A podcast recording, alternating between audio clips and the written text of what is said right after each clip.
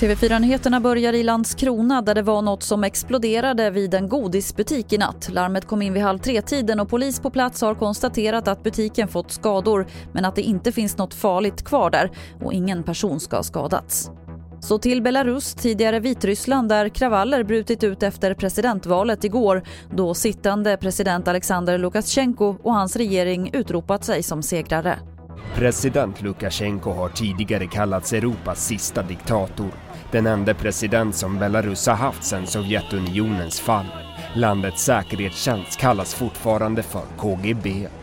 Gummikulor, vattenkanoner och kravallpolis står nu mellan honom och människor som kräver hans avgång. Reporter här var Emil Hellerud. Här hemma har det varma vädret fått soldyrkare att flockas på stränderna de senaste dagarna. I Tylösand utanför Halmstad samlades runt 40 000 besökare i lördags. Men polisen kan inte göra något åt trängseln eftersom ordningslagen inte omfattar stränder och förbudet att samlas fler än 50 personer gäller inte på badplatser och på stränder. Det var det senaste från TV4 Nyheterna. Jag heter Lotta Wall.